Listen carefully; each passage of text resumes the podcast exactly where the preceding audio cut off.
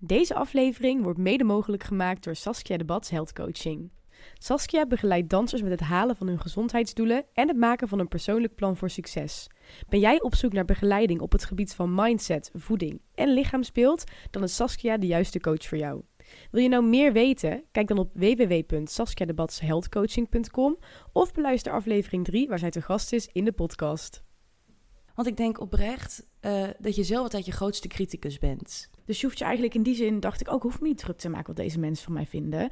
Uh, want die zijn namelijk toch alleen maar bezig met hun eigen leerproces op dat moment. En ik moet iets gaan doen in mijn eentje, heel kwetsbaar. En mensen gaan er allemaal dingen van vinden. Je moet het echt even uit jezelf gaan halen, uit jouw persoonlijkheid. En, en daar ben ik nog steeds zoekende. Iedereen is anders. En als we het hebben over eigenheid in een rol brengen, dat maakt dan ook dat je tegenspeler geeft hele andere energie. Maar dat je met beweging gewoon heel erg bang bent dat er iets gebeurt, dat je doorlekt. Ik heb echt wel een nacht huilend in mijn bed gelegen, ja.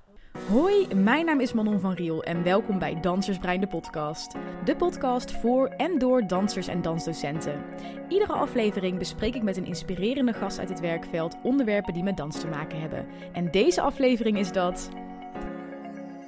Daniek Graanoost, welkom in de podcast. Thanks. Wat ontzettend leuk dat jij de gast wilde zijn ik van het ook aflevering heel erg leuk dit. Ja, heerlijk. hey, we zitten lekker in jouw huisje. Bedankt eh, dat ik hier eh, mag komen.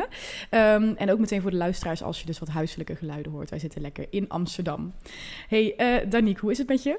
Het gaat heel goed met mij. Ja? Ja? Nou, ik wil je eigenlijk als eerst vragen om uh, jezelf even voor te stellen voor de mensen die jou niet kennen. Wie Ja. is Daniek? Oké, wie is Daniek?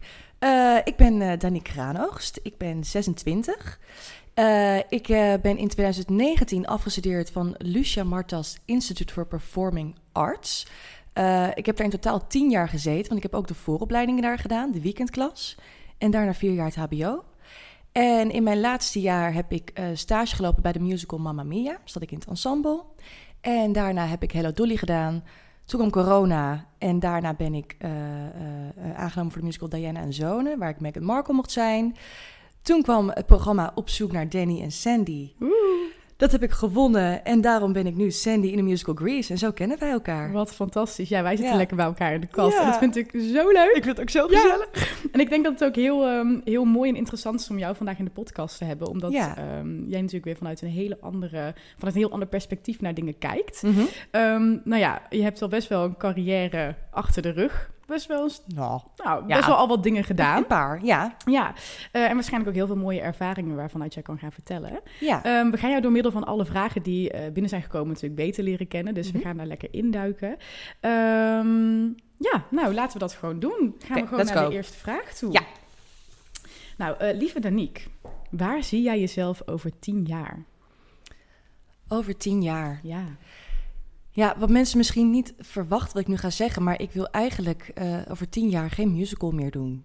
Ik vind dat voor nu, denk ik, het allerleukste wat er Mhm. is.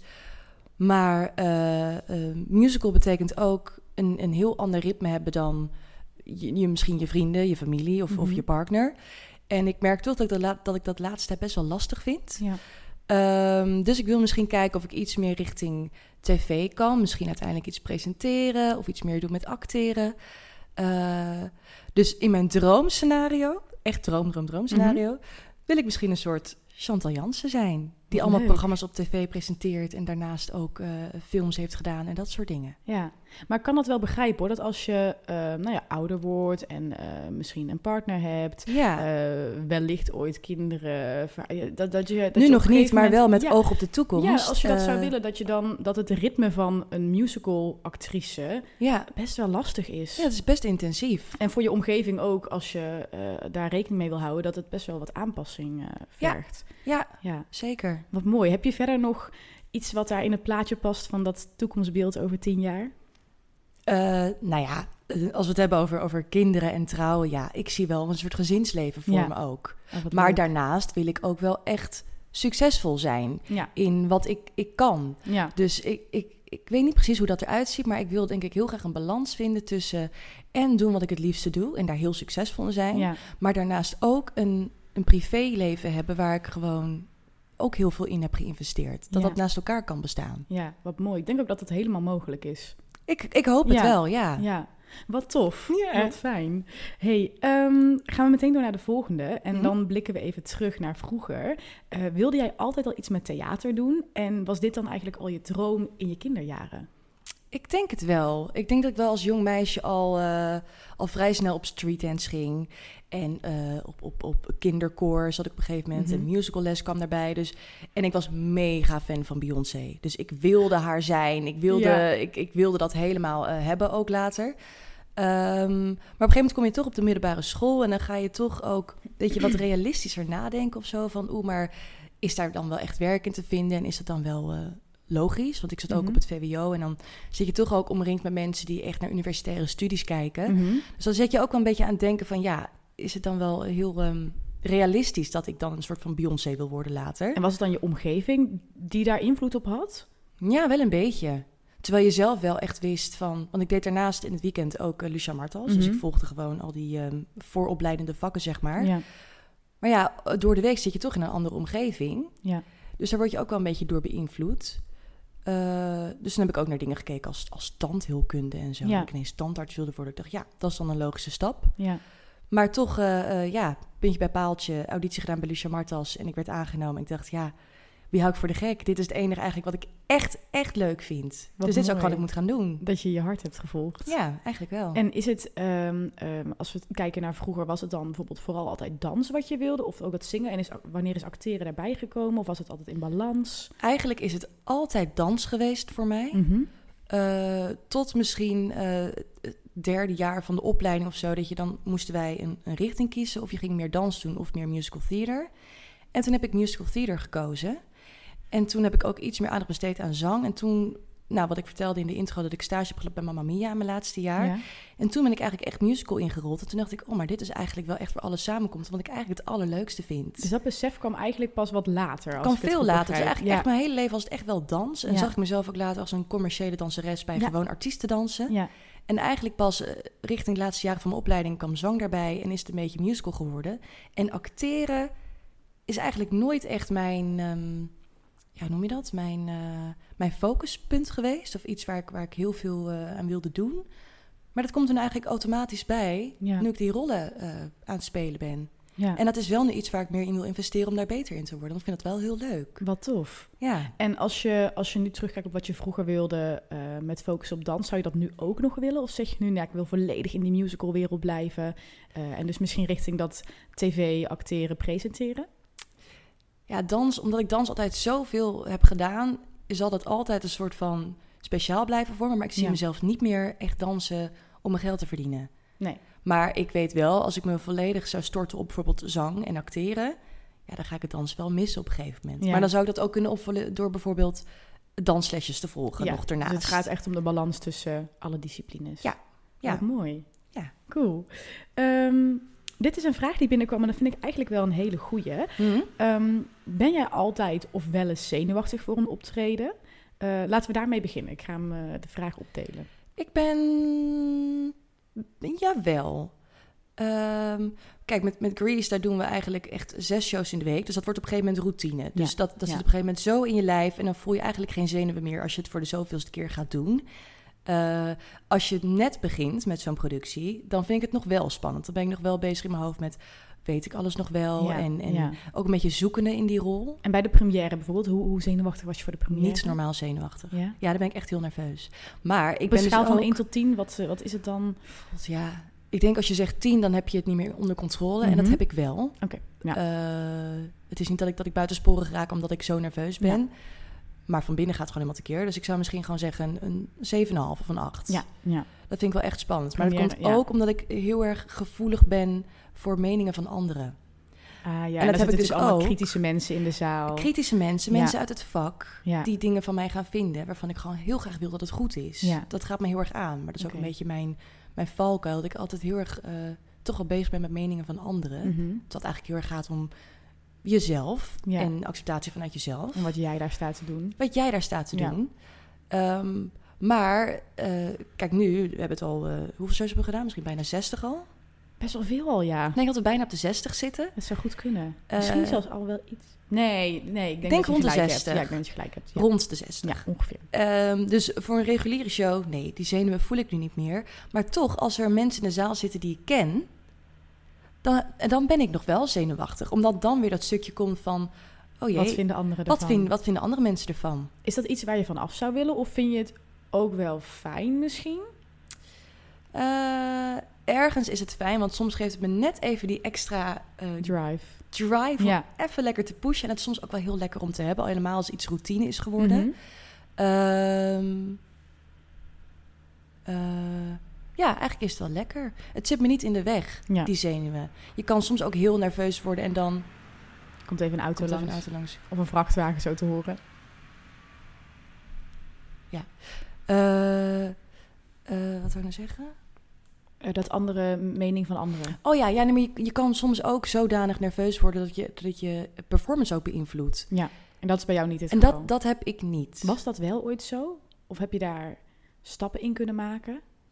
Of is het altijd wel nee, zo dat heb ik, heb ik eigenlijk nooit zo gehad. Ja, Het mooi. gaat gewoon meer van binnen, gewoon dat ik gewoon helemaal, eh, ja, gewoon heel veel bezig ben met, oeh ja, ik ben nu bezig. En dat je een beetje vanaf boven naar jezelf kijkt. Ja, Ken je dat? Ja, ja, ja, zeker. Dat je niet in het moment zit, maar dat je eigenlijk ja, jezelf een aan het beoordelen bent. Ja, dat. Ja, ja, ja, ja. Ja, dat ik bijna gewoon ik in de, in, de, in, de, in, de, in, de, in de plaats wil stappen van de mensen die dan in het publiek zitten, waarvan ik het weet. Ja, Van hoe doe ik het dan? ja. Maar ja, nee, volgens mij zie je dat verder niet aan me dat ik dan zo nerveus ben van Ik heb het nog nooit gezien. Nee, ja, nou, dat, dat, daarom. Ja. En eh, oké, voor Grease heb je dan misschien nu geen zenuwen meer. Maar zijn er situaties waar jij wel heel zenuwachtig van kan worden?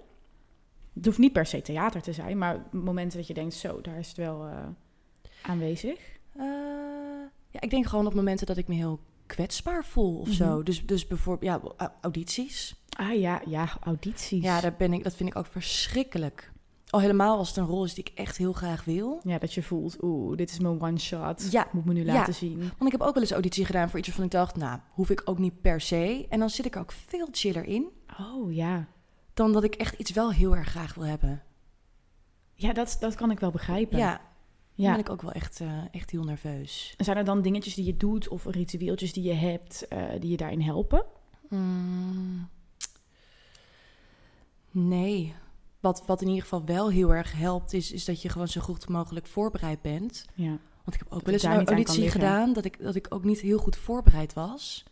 Nou, dan, dan vreet je jezelf ook helemaal. Dan ga je alle Maar dan doemscenario's geef je ook de schuld natuurlijk aan jezelf. Ja. Althans, dat heb ik dan altijd. Ja, compleet. Dat je dan jezelf gaat blamen voor het Ja. feit dat je daar niet helemaal vol voorbereid staat. Ja, ja. Ja.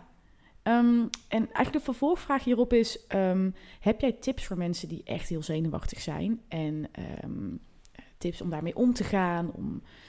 Ja. Nou, ja, dus bijvoorbeeld in het geval van een auditie zou ik zeggen... zorg gewoon dat je zo goed mogelijk voorbereid bent. Want dat scheelt gewoon heel veel onrust in je hoofd. Ja. Dat je gewoon weet wat je daar staat te doen. Dat is Mhm. dan gewoon al de helft, denk ik. Ehm, en in het geval van, van, stel je hebt een première... of gewoon een, een optreden waar je nerveus voor bent... eh, eh, nou, blijf vooral rustig ademen. ja, klinkt heel stom, ja, nee, maar... nee, het is wel een goeie. Maar ik denk dat ademhaling, dat klinkt misschien heel zweverig, maar dat kan al heel veel doen voor hoe je je voelt. Mhm. Denk ik, als je gewoon rustig in en uitademt, dan maak je je hart ook rustig, je lijf rustig. Ehm, maar voel ook vooral aan, denk ik, wat voor jou goed voelt. Soms kan het helpen als je even jezelf afzondert. Ik heb ook wel eens, als ik bijvoorbeeld een auditie heb of een première, als ik me dan omring met mensen die ook heel nerveus zijn, Dan ga je daar zelf heel daar erg kan in ik mee. helemaal zenuwachtig van worden. Daar Ja. word ik ook helemaal overprikkeld van. En dan zonder ik me ook even af. En dat helpt dan ook wel vaak. Dus voel dat ook een beetje aan voor jezelf. eh, of je omgeving je ook even Ja. gestrest maakt. Stap daar dan ook even vandaan.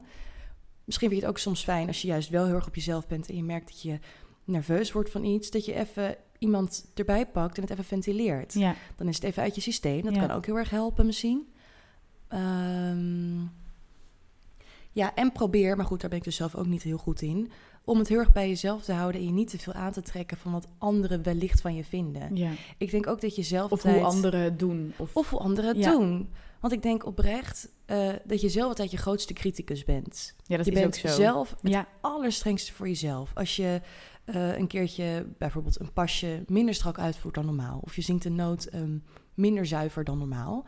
dan kan, ik heb dat in ieder geval... kan dat, kan dat zo groot maken in mijn hoofd van... oh, maar nu denken ze allemaal dat ik, het, Ja. dat ik eigenlijk heel slecht ben. Ja. Terwijl mensen die het zien, die hebben daar waarschijnlijk, die, die zien dat voorbij komen, die merken het of niet eens op, of die denken, die kijken naar het hele, hele totaalplaatje. Die hebben Ja. een hele andere ervaring dan dat ene dingetje wat voor jou dan niet goed voelt. Ja, Dus je moet er denk ik ook een beetje op vertrouwen dat je zelf je grootste criticus bent.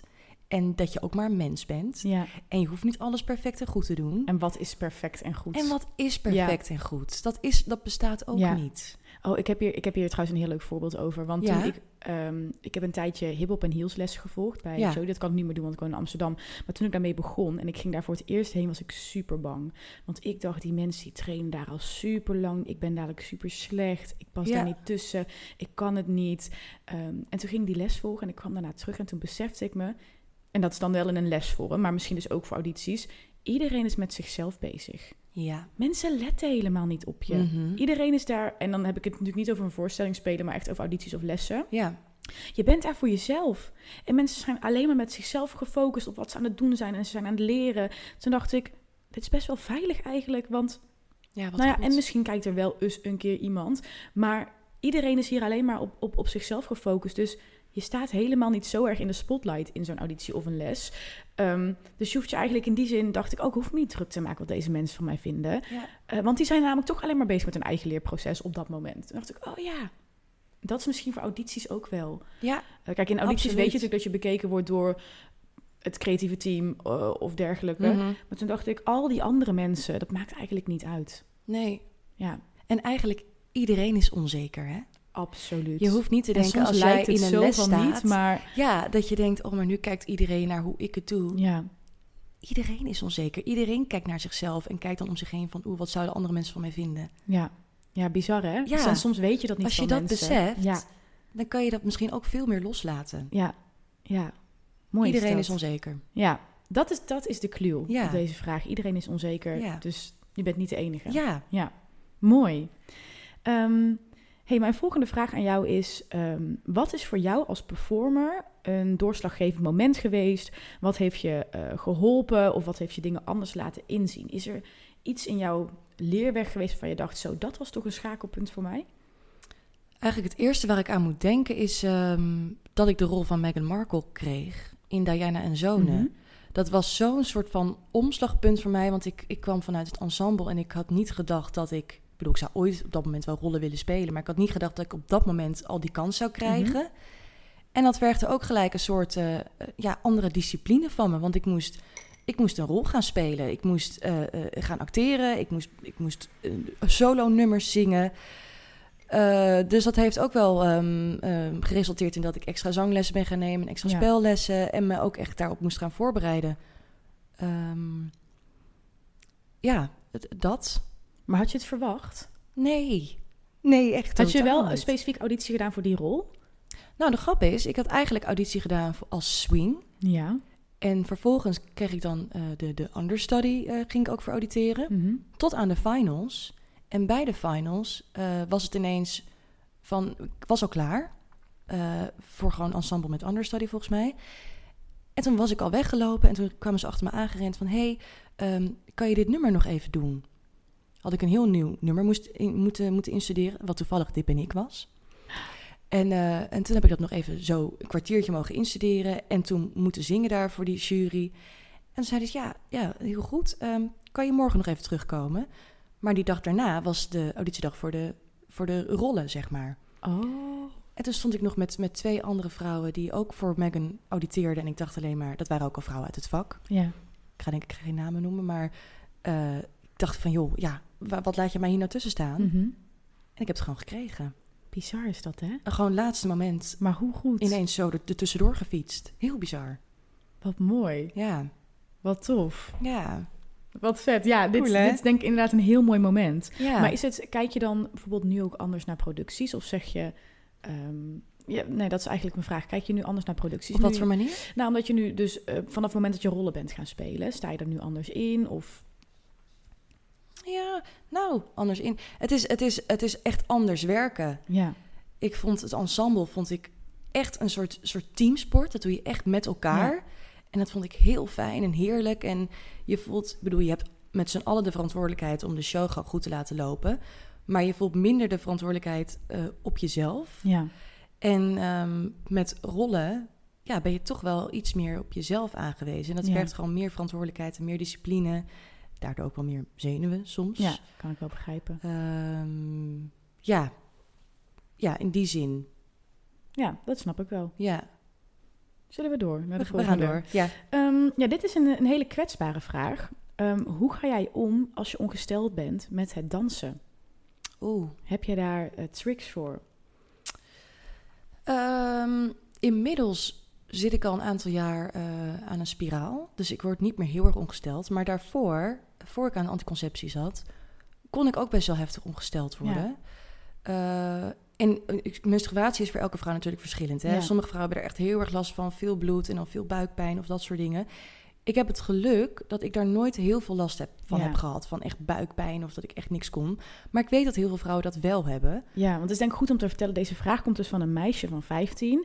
En zij is ontzettend bang om door te lekken. En ze gebruikt nog geen tampons. Dus ze zegt, hoe kan ik dat nou doen? Want ik word er heel onzeker van. En soms als ik heftig ongesteld ben, ga ik gewoon niet meer dansen. Ja. En toen dacht ik, dat is echt wel een goeie om het even over te hebben. Want ik Ja. denk dat dit niet het enige meisje is met dit probleem. Oh, zeker niet. nee, ik denk dat het een heel veel Ik voorkomend denk is. sowieso. Ik vind het ten eerste heel fijn en dapper dat ze, dat ze deze vraag Ja, absoluut. Want ja. menstruatie op zich is volgens mij nog steeds een onderwerp waar lastig over gesproken ja, wordt. Een wat er nog taboe is. op ligt, Nou, terwijl dat, het eigenlijk niet nodig is. dat vind ik ook. Ja. En dat is jammer, want ik, ik, ik weet ook, toen ik 15 was ehm, en ik was ongesteld, liep ik verstopt met mijn, met mijn tampon, met mijn maandverband. ja, naar de wc. naar de wc. Ja, Om maar niet aan iemand te laten zien van, oh nou, zij is ongesteld en zij moet even iets indoen. Ik vond dat gênant. Terwijl nu, nu ben ik de 26 normaalste en nu denk ik, joh, ik, ik loop met trots met mijn tampon in mijn hand naar te boven. zwaaien. Ja, te zwaaien. Jongens, kijk allemaal maar, ik ben nog gesteld Ja. en ik ga even een tampon in doen. Dat maakt me nu niet uit, maar ik kan me heel goed voorstellen dat dat toen, ik vond dat ook lastig. Maar ik, ten eerste ben ik dus al blij dat ze dit gewoon vraagt. Vraagt, En laat ja. het er alsjeblieft over ik hebben, dat want het een heel goed onderwerp is. het is echt zo normaal. Ja, En dat klinkt misschien heel makkelijk, maar alle vrouwen worden ongesteld. ja, We bloeden allemaal. We hebben allemaal tampons en maandverband in de kast liggen. ja. Dat is echt niks om je voor te schamen, ten eerste. Ook al heb je dat gevoel nu misschien ja. wel. Wat logisch is als je jong bent, maar, maar ik hoop dat dat misschien een beetje weggenomen kan worden. Dat het inderdaad ontzettend normaal is en dat het ook Tuurlijk. Of het nou is omdat je pijn hebt of omdat je er misschien voor schaamt dat je er niet lekker over zit. Je kan er echt met iedereen over praten. Absoluut. Ja. Absoluut. En dan kan ik me ook voorstellen dat het eh, ook nog een ding is als je wat jonger bent... dat het ene meisje misschien wel ongesteld geworden en de ander niet. Ja, dat daar ook nog verschil dat in daar zit. ook nog verschil Ja. in zit. Dat je misschien nog niet met iedereen erover kan praten... en dat het voor iedereen normaal is eh, om daarover te praten. Dus dat kan ik me ook nog wel voorstellen. Ja, en het lijkt me ook wel ehm, extra lastig omdat je danser bent, of danseres. Ja. ehm, is natuurlijk nog kwetsbaarder. Want ik weet nog wel, op het moment dat ik, ehm, net voordat ik tampons ging gebruiken, dat ik al met fietsen bang was dat je iets zou zien. Oh ja. Of dat met, gewoon met beweging, Ja, of whatever, hoesten, niezen, dat ik bang was, oh my god, maar dadelijk, oh, er komt er even een Ja. vrachtwagen langs, heerlijk. Het is Amsterdam, hè? heerlijk. Ehm. Maar dat je met beweging gewoon heel erg bang bent dat er iets gebeurt, dat je doorlekt. dat er je- iets verschuift. Ja, dat, je, dat er iets verschuift. Ik snap haar angst wel. Ik snap het ook zeker. Ehm, maar dan ten eerste wegstreem dat doorlekken of iets zien dus eigenlijk niet erg is. En dat je je daar niet voor hoeft te schamen. nee. Maar het lijkt me inderdaad wel lastig als je bijvoorbeeld nog geen tampons gebruikt. Of je hebt tegenwoordig ook van die menstruatiecups. Ja. Wat je dan het beste kan doen. En ik zei al tegen jou, want we hadden, ik vroeg al van zullen we deze vraag even gaan bespreken. Ja. Ik heb dus gehoord van snuks. En dat Ja, wat is dit ook ja, alweer? dat zijn. Ik heb het zelf nog nooit gebruikt, omdat ik dus zelf tampons gebruik. Maar dat zijn dus menstruatieondergoed, is dat. Mhm. En dat is eh, dus een onderbroek of een string. Die heb je volgens mij in verschillende varianten. Ehm, waar het een soort van ingebouwd zit, waardoor je niks erin hoeft te leggen. Dus geen maandverband of inlegkruisje. Maar dat absorbeert het en die gooi je gewoon s'avonds in de was. En dat, dat is ja, dus... dat is top. Ik ken het helemaal niet. Ja, ik kende het ook nog niet tot ik het een paar keer op Instagram voorbij zag komen. En volgens mij, en het merk heet dus Snux, maar volgens mij heb je het ook gewoon unbranded, zeg maar, bij, ik noem maar wat, een winkel. Ja. Eh, maar, eh, en die nemen dat dus op, dus dan hoef je er dus niks in te leggen. Dus dan zie je dus ook niks. Als, als je bang bent... Maar dat hoef je dus ook niet zo vaak eh, te verschonen als Ja, maandverband ik, bijvoorbeeld. ik heb het nog nooit gebruikt, maar ik denk het niet. Ik denk dat je het absorbeert langer- gewoon Ja, zodanig goed. Ja, dat volgens mij wel. Nou, dat zou een hele goede dat- oplossing Ik kunnen dacht zijn. meteen daaraan. Misschien is dat een uitkomst Ja. voor... Kijk, je hoeft je er sowieso niet voor te schamen. Maar Nee. als je het vervelend vindt en als je het moeilijk vindt... dat je bijvoorbeeld de vleugels van maandverband ziet of zo... dan is dat dus misschien wel Dat iets is een om te goeie. proberen. Toen Dat is een hele goeie. nou ja, als je dan nog een jonge leeftijd hebt... en je wil misschien nog liever geen tampons gebruiken... of je vindt dat Ja. Sowieso niet fijn, dat Ja. kan natuurlijk... Tuurlijk. Dat, dat dat misschien een oplossing is. Ja. Ja. Ja, En- en, je hebt natuurlijk ook maatverband zonder, zonder vleugeltjes. Maar ik kan me voorstellen als je heel hevig bloed, ja, dat, je, iets dan meer support wil. zekerheid. Ja. ja, ik weet niet of jij nog extra tips hebt. Nee, ja, ik zit nog te denken, als je eh, verder nog heel veel fysieke klachten hebt, als je menstrueert, zoals heel veel buikpijn of, of, of rugpijn, dan heb je natuurlijk ook Aleve Feminax, Ja. wat je daartegen kan slikken. Misschien helpt dat ook. Ehm, ja, en sommige, maar ik weet niet, ik, kijk, ik ben geen dokter, maar sommige doktoren kijken toch ook als je er echt heel veel last hebt, welke middel van anticonceptie dus misschien werkt om je ongesteldheid iets minder te maken. Is dat zo? Of zit je Nou ja, het, het, het, kan volgens mij dat als je niet aan anticonceptie zit en je hebt hele hevige klachten, dat je als je aan de pil gaat, dat die klachten Ja, verminderen. niet dat de pil nou je van het is, want alles heeft zijn voor- en nadelen er zitten natuurlijk. allemaal hormonen in en ja, dingen, precies. Maar als je het naast elkaar moet leggen en Mocht je, echt heel veel klachten van, hebben, ja. dan kan je altijd even met je arts overleggen van... hé, hey, ik heb heel veel klachten, mag ik aan de pil om dat te verminderen? Ja. ja, en ik moet wel zeggen, maar ik snap dat dat op jonge leeftijd misschien lastig is. Voor mij ging er echt een wereld open toen het me op een gegeven moment lukte om tampons te gebruiken. Ja. Dat was voor mij zo'n bevrijding. Ja, Maar ik snap wel dat dat moeilijk is als je wat jonger ik vond bent. het aan het begin heel lastig Ja, hoor, tampons. Maar het is, het is, je moet er echt zaten even- niet lekker Ja. en ik dacht, oeh, ik wil het eruit hebben. Ja, En- precies. Maar dat is, ik heb hetzelfde met in het begin, eh, toen ik begon met strings dragen. Daar moet je even doorheen ja, of zo. dat is waar. ja, dus, dat is waar. dus als je misschien, als ze dat kan gaan proberen, als dat lukt, dat Ja. was voor mij echt een bevrijding. Ja. Ja, Klopt. voelde ik me zoveel vrijer door. Ja, Maar dat is echt zo dat begin waar je even doorheen en misschien is het ook inderdaad fijner met, met bewegen. Ja. Eh, Vind, vind ik, denk ik, met een tampon in. Eh, omdat je dan misschien minder het idee hebt dat er nog iets kan verschuiven. Dat Ja, er iets, ja, iets naast kan, Ja, kan lekken of zo. Ja, Ehm, maar ja, dat verschilt per persoon of je daar fijn Ja. bij voelt of niet. nou, ik denk dat we wel een aantal dingen hebben aangeraakt. Maar ik vind het vooral echt een hele goede vraag. Ja, maar, maar fijn dat je het vraagt. ja, En, en ik denk misschien ook dat het voor jezelf ook fijn voelt als je hier ook gewoon met je omgeving over durft te praten. Met ja, andere vriendinnen die ook al ongesteld zijn. want die zullen Het neemt vast een deel schaamte hebben. weg. Ja, absoluut. Ik hoop echt dat dat mogelijk is voor Ja. haar. Ja, Gewoon ik doen. hoop gewoon sowieso dat dat gaat gebeuren. Dat mensen daar ik vind open dat over ook worden. fijn vinden. Ja, ik vind dat heel goed. En onthoud, iedereen is onzeker. Ja, en iedereen is ongesteld. En iedereen is Ja. ongesteld. het is zo menselijk. Ja. Ja. En misschien vinden jouw vriendinnen in je omgeving het ook wel heel fijn als jij het een keertje aankaart. ja, wie weet breek je wel iets open. misschien breek je iets gewoon- open Ja. en dan, dan, dan help je elkaar ook daarin. Ja, echt een hele goede vraag. Ja. En voor de luisteraars, deze soort vragen mag je altijd insturen. Want dit zijn, eh, ik denk dat het hele waardevolle vragen zijn. Heel blij hiermee. hey, we gaan door naar eh, een aantal op zoek naar vragen. Oeh. Ik heb ze even gecategoriseerd. Mhm. Ehm, wat vond jij het allerspannendst in het programma Op Zoek Naar? En dan hebben we het over het programma Op Zoek Naar Danny en Sandy, waar jij aan hebt meegedaan. Eh, het allerspannendst. Nou goed, die live shows elke vrijdagavond, dat is natuurlijk ook, dat is echt geen kattenpis. Ja, Dat je een soort van een opnameleider hoort aftellen en dat je dan gewoon realiseert: oké, we. we gaan nu live Ja. en mensen kijken mee. En ik moet iets gaan doen in mijn eentje, heel kwetsbaar. En mensen gaan er allemaal dingen van vinden. Oh my god. ja, als we het dan hebben over ehm, dat je misschien wel zenuwachtig kan worden Nou als ja, er mensen naar je Inderdaad, kijken. ik die heb het niet eens genoemd net, maar dan is dit, het staat natuurlijk met stip boveneen. Ja, dat snap bovenaan, ik. want het, ja, dat, was, dat is gewoon eh, echt zenuwslopend en, En heel dat je het ook nog terug kan kijken natuurlijk. Ja, Dat, eh, Ja, absoluut. Maar eigenlijk wat ik het aller intenster aan vond, dat waren niet de live shows zelf, maar dat, is, dat zijn de ehm, reacties die vervolgens online staan. ja. Wat natuurlijk ook gewoon heel erg deze tijd is. En het heeft natuurlijk ook zijn voor- en zijn nadelen. Maar iedereen vindt er wat van. En eh, of het nou Instagram is, of, of YouTube of Twitter. ehm, mensen praten erover mee en die geven Ja. hun mening ongevraagd. ja. Wat je natuurlijk weet als je meedoet aan een programma, daar gaan mensen wat van vinden. Dat, daar moet je ook niet naïef over zijn. Maar daar, daar staan heel veel dingen. En Ja. als dat nou leuk is, top. Oh. Maar eh, je kan één minder leuk ding lezen en dat blijft dan zo hangen in je hoofd. En dan kan ik me dan Trok zo... je daar veel van aan, van de negatieve... Ik heb echt wel een nacht huilend in mijn bed gelegen, ja. Oh, jeetje. Ik vond het heel heftig. Terwijl, als ik daar nu over terugdenk... Ik, ik, ja, ook super dom, hè. Ik heb een avond ik Twitter geopend. Had ik ook niet moeten doen. Ik bedoel, Mhm. het ergste platform eh, wat dat betreft. Maar eh, toen, toen las ik na, een- na een avond optreden... las ik nou, bij wijze van spreken, vijf hele leuke positieve eh, reacties. En één iemand die iets naars zei. En die ene opmerking bleef helemaal rondzweven in mijn hoofd. Ja. En ik, nou, ik, ik voelde me zo, zo naar. Ja.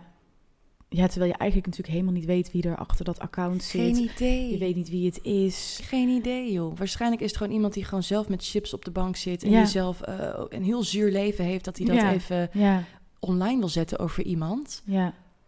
Maar ja, Dat blijft je dan toch bij. dat blijft je zo bij. Dus Ja. dat, ehm, dat, dat vond ik wel heel zwaar eraan. Dat online er heel veel gezegd werd. Ja, en mensen een mening gaven. Terwijl jij je heel kwetsbaar opstelde. En was dat, eh, ehm, had, ervaarde de rest dat ook zo? Kon je daar steun bij zoeken bij elkaar? Eh, ja. ja, we hebben daar zeker wel over gehad met elkaar. Ja, Ja, dat was gewoon, dat was gewoon best heftig. ja dat snap het wel. online gedeelte. Ja, wat moeilijk joh, dat dat, ehm, ja, ja, lastige situatie. Ja. Ja, maar goed, wat ik zei, er zijn waren ook heel veel positieve dingen natuurlijk. Ja, Maar het, het is gewoon, misschien ligt het heel erg aan mij, maar ik denk over het algemeen, je kan heel veel go- goede dingen horen en één slecht ding en dat blijft zo erg ja hangen. dat trek je dan persoonlijk aan. trekt je heel jeetje, persoonlijk ja, aan, dan kan ik dan heel lastig van me afzetten. Ja. Dus dat vond ik wel lastig. Denk je dat, wil, je, wil je daar iets mee of denk je dat het iets is wat iedereen altijd wel gaat blijven hebben? Want ik, ik denk dat het best een herkenbaar ding is voor Ik denk, mensen ja, die aanwezig allebei. zijn op social media of die in het nieuws zijn. Of die... Ik denk als je hier meer mee blootgesteld wordt, ik bedoel figuren die al heel veel op tv zijn of Mhm. die heel veel online doen al, dat die er op een gegeven moment een dikkere huid voor krijgen. ja, dus die eigenlijk op een dat gegeven moment ervaring leert. Dus dat als je Ja. er langer mee omgaat, dat je ja, dan die kunnen dat filteren. heel goed filteren Ja. welke opmerking je wel eh, aanneemt en, en welke niet. Of wie wel belangrijk is, zeg maar, en wie niet daarin. Eh, maar ja, dat had ik nog niet. En dat hadden de meeste kandidaten daar niet. Dus dat is dan, dat is dan pittig. En dat komt dan ook nog over je heen, naast die spanning van een live show. En het drukke schema wat je erbij En hebt. het drukke schema. Ja, Ja, het is ook Ja. heel vol schema. Ja, want je moest iedere week een nieuw nummer doen, volgens mij. Nieuwe toch? nummers, ja. Dus je had dan altijd een solo, je had een groepsnummer, Ja, eh, een, een sing-off en een eindlied. ja. En moest je buiten dat je dat deed, ehm, werkte je daarnaast nog, deed je nog een productie, moest je nog andere dingen doen? Of kon je wel fulltime focus op op zoek naar hebben? Ja, nee, ik gelukkig niet. Maar er waren er wel een paar die nog in Aladdin zaten of Soldaat van. Oranje. Eh, maar nee, ik kon me gelukkig wel fulltime volledig focussen ja. daarop. Ja, Zo, dat is ook wel heftig lijkt me. ja zeker. Jeetje, nou, de- de volgende vraag en die sluit er eigenlijk helemaal op aan. Ehm, wat is het verschil tussen de tv-wereld en de theaterwereld? En wat heeft je voorkeur? En waarom dan natuurlijk? Ja, het verschil tussen tv en theater. Ehm, nou, wat ik vooral heel erg merkte was dat we bij Op Zoek Naar dan... ehm, dat het echt heel erg ging om hoe zou het overkomen op camera. Klinkt heel logisch, maar ja, Eh, als je een staging hebt van een, van een nummer, dan waren er ook afspraken met wanneer kijk je naar die camera. Ehm, het kan soms wat, wat kleiner. Theater is, is gewoon een hele grote zaal. Je moet de achterste rij kunnen bereiken Ja. met zowel je stem als met je beweging. Dus dat mag Ja. niet klein zijn, dat moet niet klein zijn. Ehm, en, en tv is echt camera, dus dat kan heel klein en te groot. Kan dan ook te groot zijn voor als ja, mensen dat op een beeldscherm thuis Ja. eh, krijgen natuurlijk. Dus daar zit wel een heel groot eh, verschil in. Ehm, en wat mijn voorkeur heeft. Ja, ik zei net dat ik misschien uiteindelijk wel naar tv wil. ja, Ehm, maar de, ja, oh, dat vind ik heel lastig. Want theater heeft ook iets magisch, vind ik. ja. Het, het, het, Dat kan ik heel het, goed het begrijpen. directe, eh, de, de directe vorm van reactie krijgen, vind ik een van de mooiste dingen van theater. Ja, Dat jij iets staat te doen en dat je dan iets terugkrijgt van de zaal. Terwijl als je iets doet op tv, nu dan bij Op Zoek Naar hadden we live publiek. Ja. Maar andere vormen van tv, je doet iets tegen een camera, tegen een soort apparaatje, een soort zwarte box. ja. En je weet niet wat mensen daar direct van vinden. Je, je, je krijgt dat niet terug. Plus je krijgt die energie er niet in. krijgt Tenminste, er ook theater energie van geeft, terug. het publiek geeft energie en daar kan je ook weer op door. En dat vind ik ook zo leuk bij Grease. De, de, eh, de, de show is bijna zo goed als het publiek. Ja. Als het publiek, we kunnen echt een, een, een hele slechte show spelen, bij wijze van spreken. Maar als het publiek helemaal losgaat. Ja, sorry, maar dan aan het einde van de avond zeg ik, we hebben echt een supergoeie show maar gehad. ik moet ook heel eerlijk zeggen dat eh, ook al gaat het misschien even wat minder of denk je, oh, dit is misschien niet mijn show. Zodra het dus dat is, het publiek is Ja. laaiend, dan Ja. gaat mijn hele moed ook Het geeft je zoveel zo energie. omhoog. En dan krijg je er zo'n beter gevoel over. Ja, Bizar. ja, het is een gevoel van waardering. Dat je denkt, oh, ze Ja. vinden het leuk. En het geeft jou ook nog extra motivatie Ja. om, om het dan nog beter voor en hun te doen. joelen En- en dat klappen, dan denk ik echt, nou, dat voelt toch yes. waanzinnig? Ja.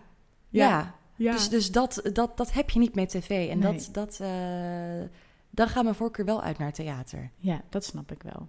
Ja, Maar voor de toekomst dan misschien een mooie balans of eventueel... misschien ooit afwisseling. Ja, Ja, ik allebei precies. een keer kan Ja. doen. Ja. En eh, dan hebben we het echt over het werk zelf. Maar merk jij nog verschil in ehm, de sfeer, de mensen, eh, de organisatie, eh, hoe dat zeg maar in elkaar zit? Het verschil tussen theater en tv ja, tussen theater, ja.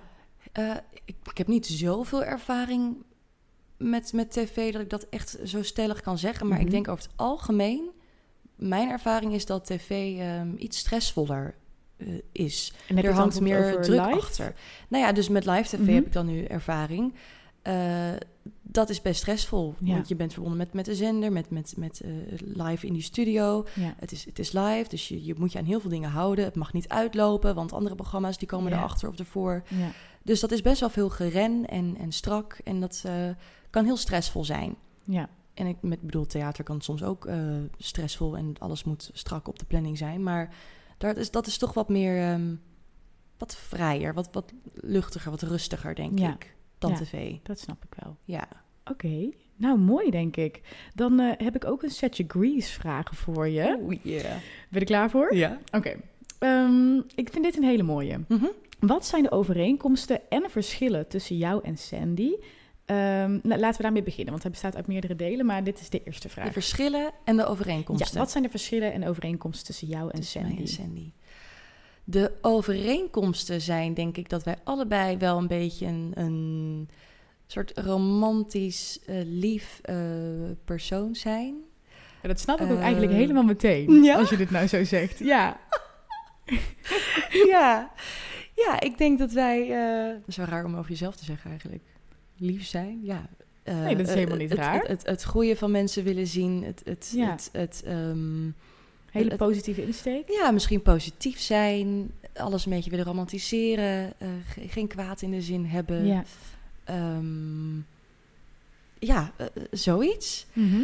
Verschillen tussen mij en Sandy zijn denk ik... En dan hebben we het Oh, trouwens ja? ook nog over de Sandy 2.0 natuurlijk. En laten we dat niet Laten vergeten. we dat niet vergeten. Ja. We hebben het over een Sandy 2.0. Ja, Ja. wil je daar even iets korts over kwijt? Hoe Sandy 2.0 Nou, eruit ziet? ja, ik- begrijpen mensen misschien oh waar het vandaan waar, wat komt. de Sandy 2.0 is. Nou goed, Sandy is natuurlijk eh, eh, hoe we haar kennen uit de film. En echt het meisje met die pony. eh, heel naïef ook. En echt ook een beetje onwetend. Mhm. En we leven nu natuurlijk in 2023. Eh, dus los van dat Sandy natuurlijk wel dat personage moet zijn, ook om uiteindelijk die ontwikkeling te kunnen maken, eh, vinden we wel, vind ik, dat ze wel iets meer van nu mag zijn. En dat Ja. houdt in dat ze wel iets pittiger mag zijn. Ja. Ze is minder onwetend per se. Ehm, dus ja, ze staat wel iets steviger in haar schoenen. Ja. Ze laat iets minder over zich heen lopen. Maar ze blijft wel dat naïeve meisje, nou minder naïef dus, maar wel dat liefelijke meisje wat wel een karakterontwikkeling doormaakt. ja, maar het is goed om te weten als je de verschillen en overeenkomsten benieuwt dat Sandy dus iets Ja, pittiger is Sandy in deze, is gewoon wel iets deze pittiger. versie. Ja. Ja. Nou ja, over, over, over overeenkomsten gesproken. Ik denk dat ik in die zin wel meer een Sandy... Jezus, kan ik doorpraten? Een, eh, vuilniswagen langs. Ik vind dat wel leuk, dat Amsterdam. Ja? Stort het niet? Ik hou... Nee, ik hou er wel van. Oké, sfeergeluiden. Ja. Ja. Dan gaat zo waarschijnlijk ook weer weg. Eh, ik praat er wel gewoon overheen. Dat is helemaal goed. Ehm, eh, dus over overeenkomsten gesproken tussen mij en Sandy 2.0. Dat is dat ik denk ik ook wel iets meer dat... Ik laat ook niet zo over me heen lopen. Ja. Ik bedoel, ik heb wel een beetje dat, dat lieflijke en het romantische. En ik heb de kuiltjes. maar je en weet het- wel waar je voor staat. maar ik weet wel waar ik voor Ja. sta. En ik heb wel ook een mening. Ja, Dus eigenlijk in die zin ligt Sandy 2.0 heel dicht bij Danique. ja. En wat zijn dan de verschillen? Ja, de verschillen... Ja, dan wil ik toch zeggen dat ik dat naïeve niet per se heb. Maar dat heeft de Sandy 2.0 ook wel wat minder. Mhm. Ja, wat zijn dan de verschillen? Nou ja, ik denk toch, eh, eh, stel Danique eh, zou zo'n zomerromance hebben als, als, als Sandy. En, en Danny zou Danique zo behandelen op school. Mhm. Dan had Danique daar nog minder van gepikt. Ja, En Sandy doet altijd nog wel iets meer. ja, Sandy heeft een goede hoop. Dus ik denk dat het verschil tussen Sandy 2.0 en Danique... Dat ik, dat ik nog wel iets pittiger ben. Ja, Maar heel veel ligt het eigenlijk niet uit elkaar. nee. Het ligt best wel dicht bij mezelf eigenlijk. Ja, ik vind jou het ook zo tof spelen. Ah. Ja, ja heel leuk. Ehm, hey, de vervolgvraag hierop is eigenlijk... ehm, hoe heb jij Sandy je eigen gemaakt? Hoe is dat proces gegaan van... Blanco, je krijgt het script tot aan waar je nu staat? Ja, nou ja, dat ligt dus eigenlijk best wel dicht bij Danique. Dus hoe heb ik Sandy eigen gemaakt? Eh, ja, het, het, het, lag al best wel dicht, dicht bij mij. Ik kon, Ja. in, kon in Sandy heel veel vinden van hoe ik een situatie zou doen. Ja. Dat ik dacht, ja, dat is eigenlijk ook best wel Sandy. Of hoe ik ergens op zou reageren. Dat is ook best wel Sandy. Dus ik heb het een beetje verwikkeld in, in elkaar. En het scheelt, ja, heb, ik- heb ik het weer over, dat het een Sandy 2.0 is. Ja. Dat ik het eigenlijk nog meer Danique kan maken. Want Danique is eigenlijk een beetje de Sandy 2.0. En niet de Sandy uit, gewoon niet Olivia Newton-John, zeg maar. Ja, ja, ja, ja, ja. Ik moet sommige dingen wel iets extra aanzetten. Soms iets meer wat, wat verlegener zijn. Of iets meer met terugtrekken. Of iets meer kijken naar wat er om me heen gebeurt. En toch allemaal best wel wat vinden. ja. Maar in principe ben ik het wel. Wat En, mooi. en heel, heel veel dingen... als wel heel stom. Ga ik dit zeggen? Ja, nou goed. Soms, eh, we hebben heel veel zinnen in de show, hè. En soms zijn die zinnen zinnen die je ook gewoon in het dagelijks leven gewoon wel een keer zou zeggen. Ja. En soms betrap ik mezelf er dus op dat ik een zin uit de show gewoon ook in mijn eigen conversaties gebruik. En dan hoor ik mezelf zeggen en dan denk ik, ik zeg Sandy. dit precies Ja, zo, maar ja. dan ook in de show. Ja. Dat is van die kleine dingen dat ik denk, jeetje, ik, eh, het, li- het ligt gewoon best wel dichtbij Ja. mij. Gewoon dingen hoe ik zelf ook echt dingen zou zeggen. Zo speel ik Sandy ook. Maar ik denk dat het ook mooi is dat, en ik vind dat trouwens bij iedereen in de show, dat het ehm, heel natuurlijk blijft, omdat iedereen het uit zichzelf aan het halen Ja. is. Ja, Ik denk dat het iets heel krachtigs is. ik denk ook dat dat heel fijn Ja. is. Ik denk sowieso dat best wel veel mensen uit de cast, zonder iemand te beledigen, best wel eh, personages neerzetten die best wel dicht bij hunzelf liggen. Ja, Maar gewoon net even meer aangedikt. ja. Ook dingen zeggen die ze normaal helemaal, helemaal niet zelf zouden ja maar de zeggen. kern heel erg uit zichzelf halen en uit eigen en daardoor en karakter. is het heel eh, fijn om ja. naar te kijken. Het Ja. voelt natuurlijk. Ja. Ja. Ja. ik vind dat heel erg tof. ja, ik ook. Ehm, de laatste vraag in dit blokje is: wat is er zo leuk aan Sandy spelen? Wat vind jij nou het allerleukste aan haar spelen in die show? Ik denk dat ik het allerleukste vind dat ik eh, twee hele verschillende kanten van Sandy kan laten zien. Ja. Dus als ik als Sandy de hele show lang alleen maar met die paardenstaart en die lange rok en die handjes in, in, in, elkaar en een beetje heen en weer wiegen, dan was het ook een beetje saai geweest. Maar die transformatie van dat en ook dat hele romantische kunnen uitspelen en dat lieve naar gewoon bam, Pittige. pittige hakken aan, een- Ja. een, een peuk in, tussen, tussen de vingers en Ja. gewoon dat haar en gewoon lekker beetje strutten zo. Ja, dat vind ik wel heel leuk. Dat Tof. je allebei een beetje zo hebt. Ja, heel begrijpelijk. ja. Hey, ehm, als jij een ander personage uit de show zou mogen spelen, wie zou dat dan zijn? En je mag ze echt allemaal kiezen. Ik heb er twee in mijn hoofd. Oké, vertel. Ik ben heel benieuwd. Ik denk eh, Rizzo. Ja, Zou ik heel leuk vinden. omdat dat dan een, een complete tegenpol is van Sandy. Ja, zo lekker bitchen. En ik vind Ja. het nummer, het zou erger kunnen zijn, vind ik ook een prachtig ja, nummer. Ja, heel mooi. Dus alleen daarvoor al. Eh, ja, Rizzo die kan ook lekker gewoon lekker vet spelen en lekker Ja. dingen aanzetten. En dat is denk ik eh, ook heel leuk om dingen in te zoeken. ja, en ook lekker mooi, over haar de top. onzekerheid of haar zachte kant komt natuurlijk wat later in de show Ja, ook naar buiten. maar dat je inderdaad ook die twee dingen hebt. Ja. Dat je heel bitchy kan zijn, maar ook eigenlijk heel kwetsbaar kan spelen. En ook eigenlijk een beetje dat romantische kan zoeken met Kaniki. Maar dan Ja. toch ook alweer heel erg hard willen zijn. Ja, dat is ook super leuk, denk ik, om te spelen. En ehm, ja, en ik zou Eugene. Ja, Ja, Luc Ja. Hazen, als je luistert. you are amazing. You are the ja. bomb. Dat Ja. doet hij zo goed. En hij doet ook elke avond wat anders. En Nou, mag ik daar even op inhaken? ja, Ik vind dit dus zo grappig. Iedere keer in Zomernacht, dat is het tweede nummer in de show. ehm, dan komt er een, een scène waarin de Pink Ladies de T-Birds eh, zien en eh, ontmoeten. En dan kijk ik altijd naar links. En inderdaad, iedere keer doet Eugene, dus Luc, daar iets anders. En ik weet dat mijn focus bij die scène moet liggen. Maar ik moet altijd zo hard lachen van binnen dat ik hou het niet meer. ja, We ja. hebben trappen eh, in de show. en dat zijn van een soort van stalen stellage, is dat. Ja. En dan hangt hij daar weer ergens tussen. En dan komt hij er weer uitgerold. Of dan, ja, ik weet niet. Het is zo, zo Hij, is grappig. zo, hij heeft zo'n creatief meesterbrein. Ja. En hij heeft zo'n goed, goed impuls of zo. Misschien, van spelen ehm, komisch spelen. En Handig voor de mensen om te weten, Eugene speelt eh, een beetje de nerd in het verhaal. ja, En het interessante is dat hij geen tekst heeft, maar dat hij alles vanuit zijn spel doet. Dat zeg ik goed, denk ik zo, toch? ja, zeker. Ja, en het is zo interessant om te zien hoe hij in iedere scène is hij daar. Maar hoe knap is dat? Want hij heeft inderdaad geen tekst. En weet je dat ik ook, eh, volgens mij bijna richting het einde van de repetitieperiode, naar hem toe ging en gewoon zei: Weet je dat ik me gewoon net pas realiseerde dat jij geen tekst hebt? Ja, maar hij speelt Het is me gewoon niet opgevallen, omdat hij zo prominent aanwezig is in de Het scène is telkens. fantastisch. Het is zo goed Ja. en zo knap en ja, waanzinnig. Ja, maar ik snap dat je die rol, dat het lijkt me zo leuk. Ja, al, al, al neem ik het ook een beetje terug, want ik, wil, ik kan Luc niet evenaren. Nee, absoluut Niemand niet. kan dat.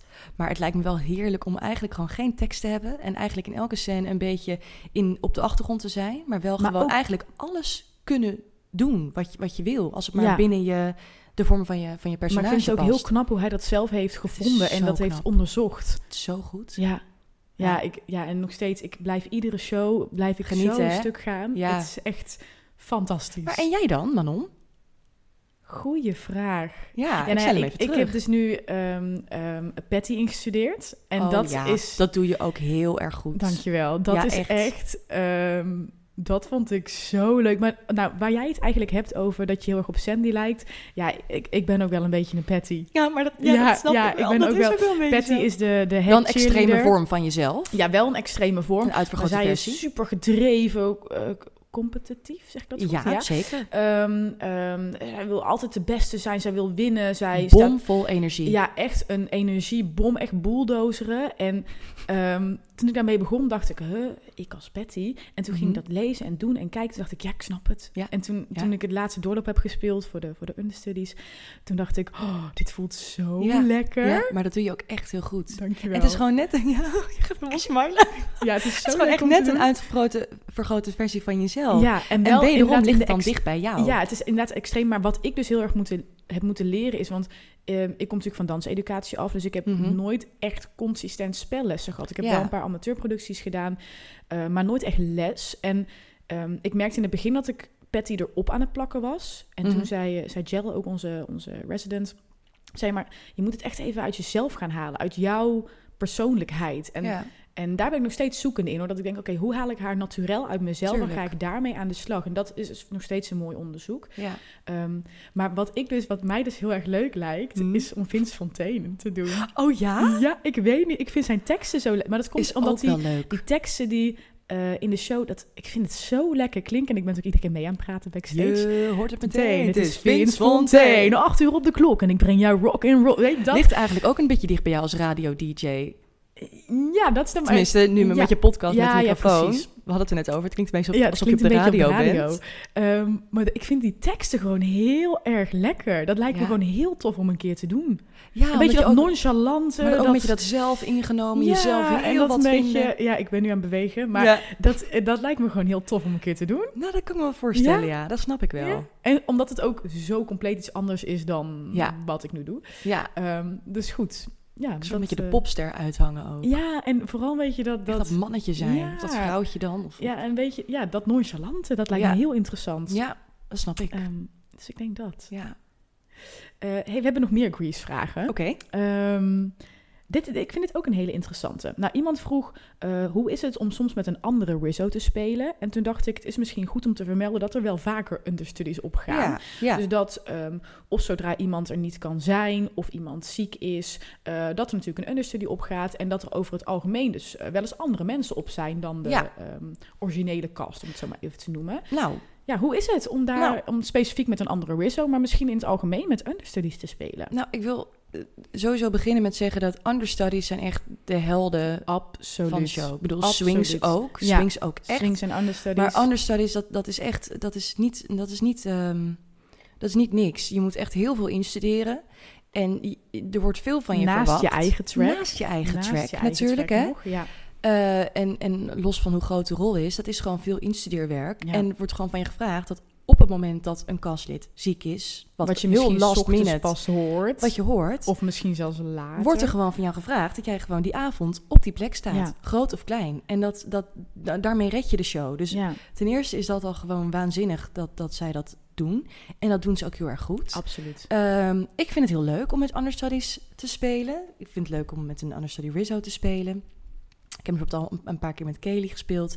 Vind ik heel leuk, want iedereen is anders. Ja. En als we het hebben over eigenheid in een rol brengen... dat maakt dan ook dat je tegenspeler geeft hele andere energie. Ja. En daar ga jij dan ook eh, anders van spelen. Tenminste, dat vind ik wel leuk om te doen. Ja. Kelly speelt heel anders dan Esmee.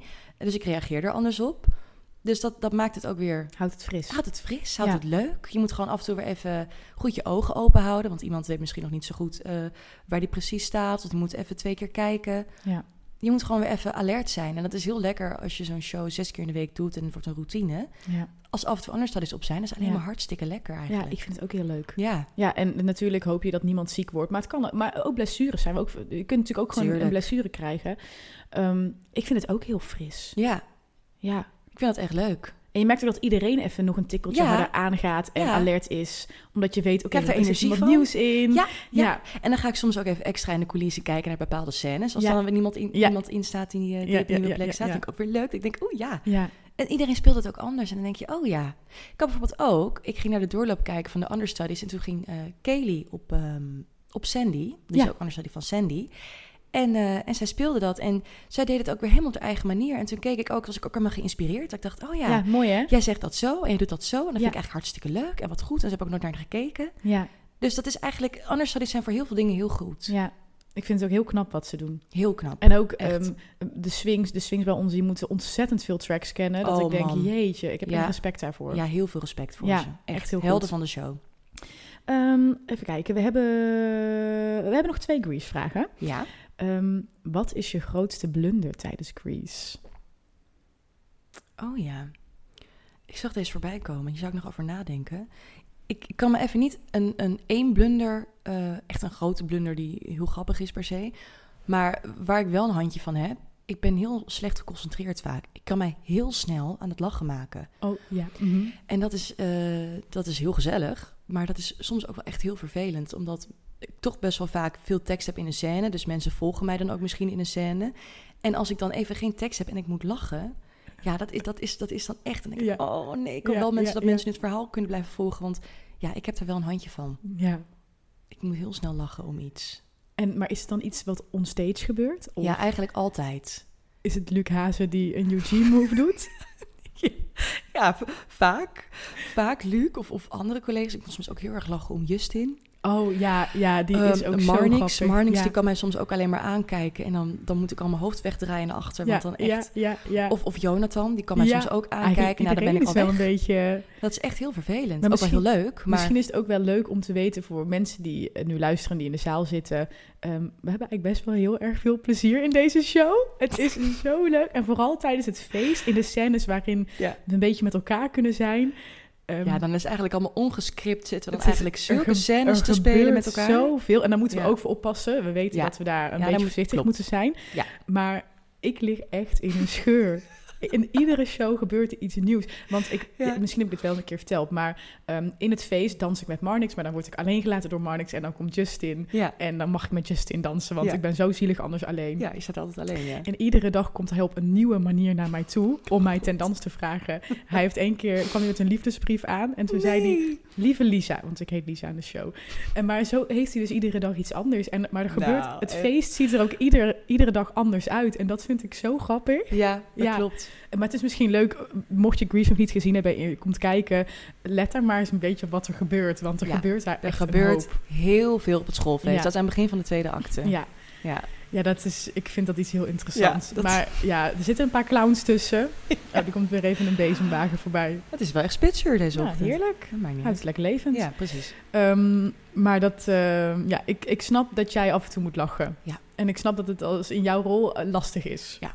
Ik Ja. heb ook nu, Tristan heeft iets nieuws gevonden. Oh, jij wat Ik dan? kom in eh, de scène voor zomernacht kom ik oplopen bij, bij de boys eh, stage left. Ja? Ehm, en Tristan heeft nu door wanneer dat is. En Oh nu jee. duwt hij mij altijd op. Dus dan kom ik een soort van lachend op en dan Oh denk ik, ja, shit. En ik kan ook mijn lach niet zo goed inhouden. Dus dan zit ik daarvoor op dat blok met dat tijdschrift en dan... Beetje te giechelen. Ja, en dan, en dan giechel ik altijd nog een beetje door. Ja, dan probeer ik altijd maar heel serieus te blijven. Maar ja, nou goed. Nou ja, Maar dat houdt het ook leuk. dat soort momenten zitten en wel ik echt denk veel ook in. eigenlijk, klinkt misschien heel, heel cliché wat ik nu ga zeggen, maar dat is ook een beetje misschien het succes van onze show. Dat omdat wij onstage ook gewoon zo fijn hebben met elkaar, dat we zo Mhm. kunnen lachen, dat we dat misschien ook uitstralen in, in gewoon het plezier van wat Grease Ja. is aan het einde van de avond. Nou ja, ik heb geen vergelijkingsmateriaal. want Dit is mijn eerste productie. Maar ik voel, dit, ik vind dit zo'n fijne groep. En ja, het is zo veilig. En wat jij zegt, iedereen heeft lol met elkaar. Maar Ja. ook oprecht. oprecht. We zijn echt een beetje in een middelbare schoolklas. Eigenlijk wel. Ja, En Eigenlijk ik denk wel, ja. inderdaad dat daar een grote kracht in zit. Ik denk oprecht dat dat uitstraalt naar het publiek en dat die Ja. het alleen maar heel leuk vinden om naar te kijken daardoor. Ja, en ja, ook in, in, het, in de partnerdans denk ik, ik heb het echt leuk. Ja, het Ja. is ook echt leuk. Ja. Ehm, eh, de tweede vraag was, eh, nou ja, heb je een blunder tijdens Grease en of heb je nog een algemene blunder? Ja, ik ben dus niet echt van de blunders eigenlijk. Oh, wat fijn. Ja, klinkt heel saai, maar ik ben ook best wel een soort control freak of Ja. zo. Ik ben heel erg...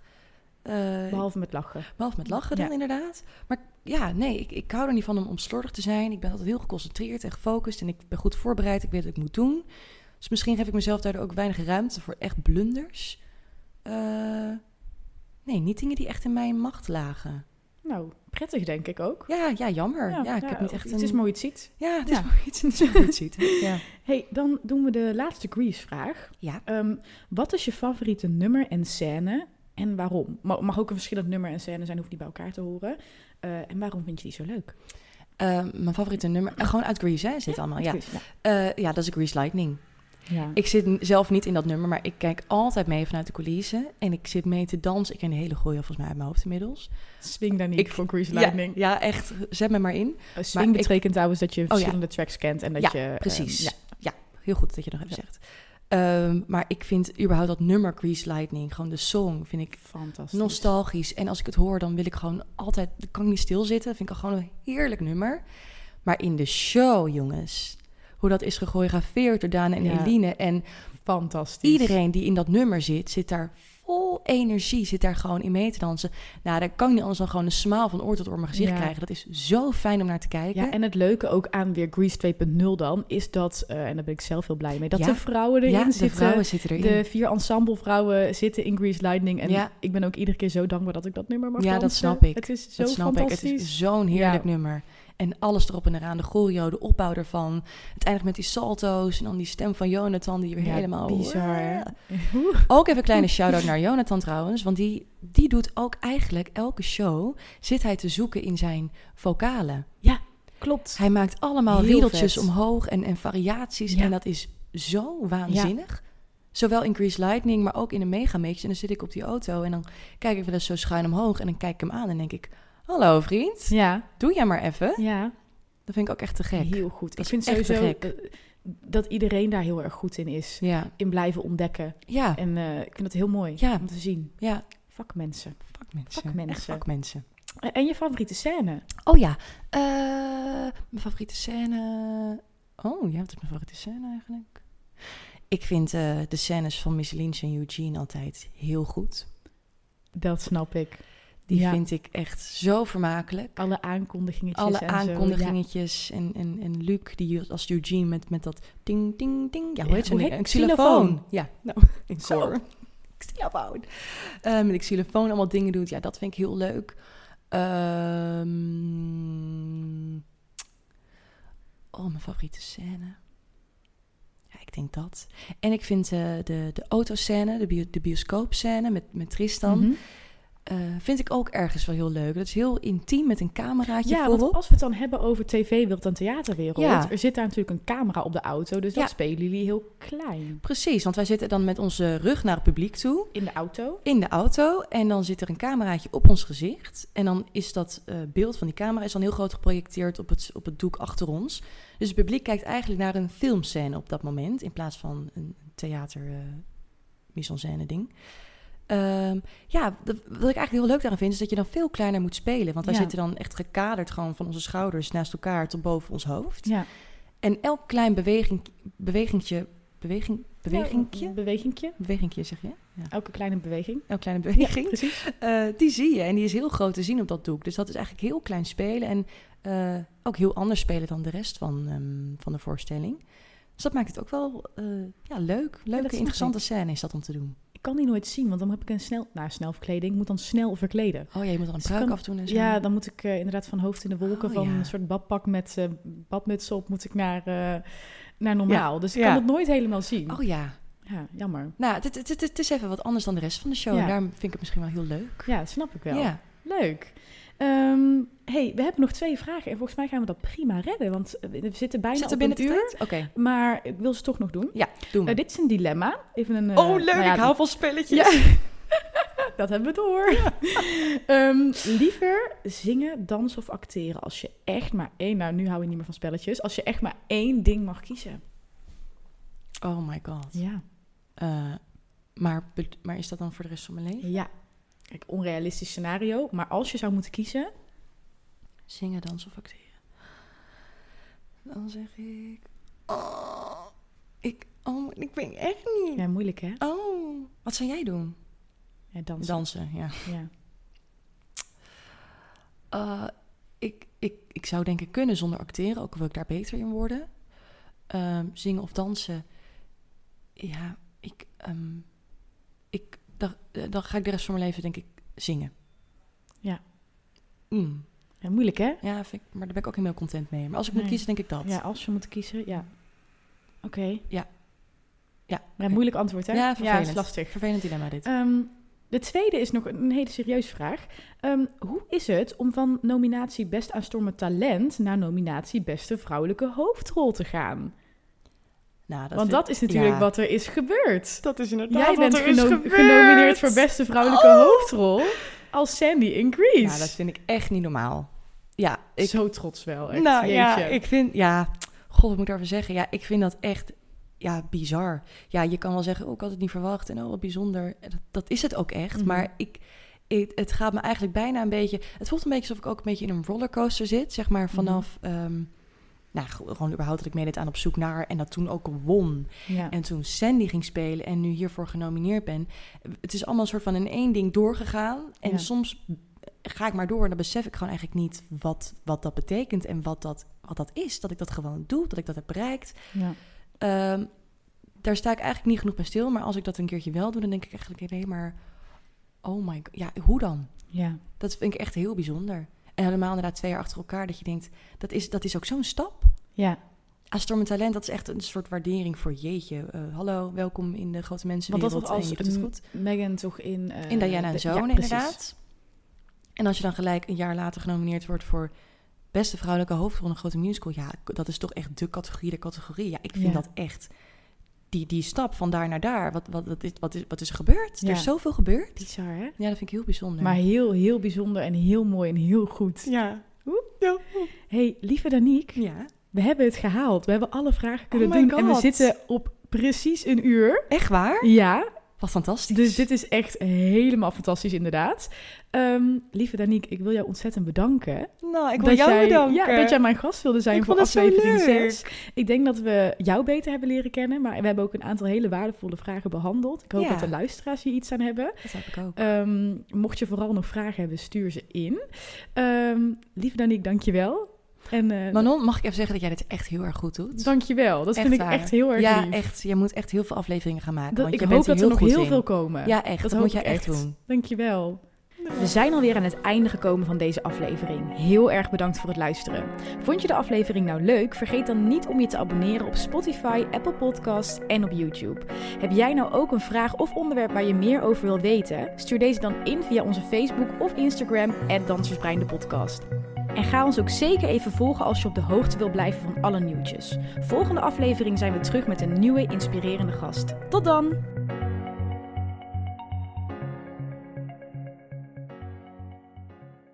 Deze aflevering werd mede mogelijk gemaakt door Saskia de Bats Health Coaching.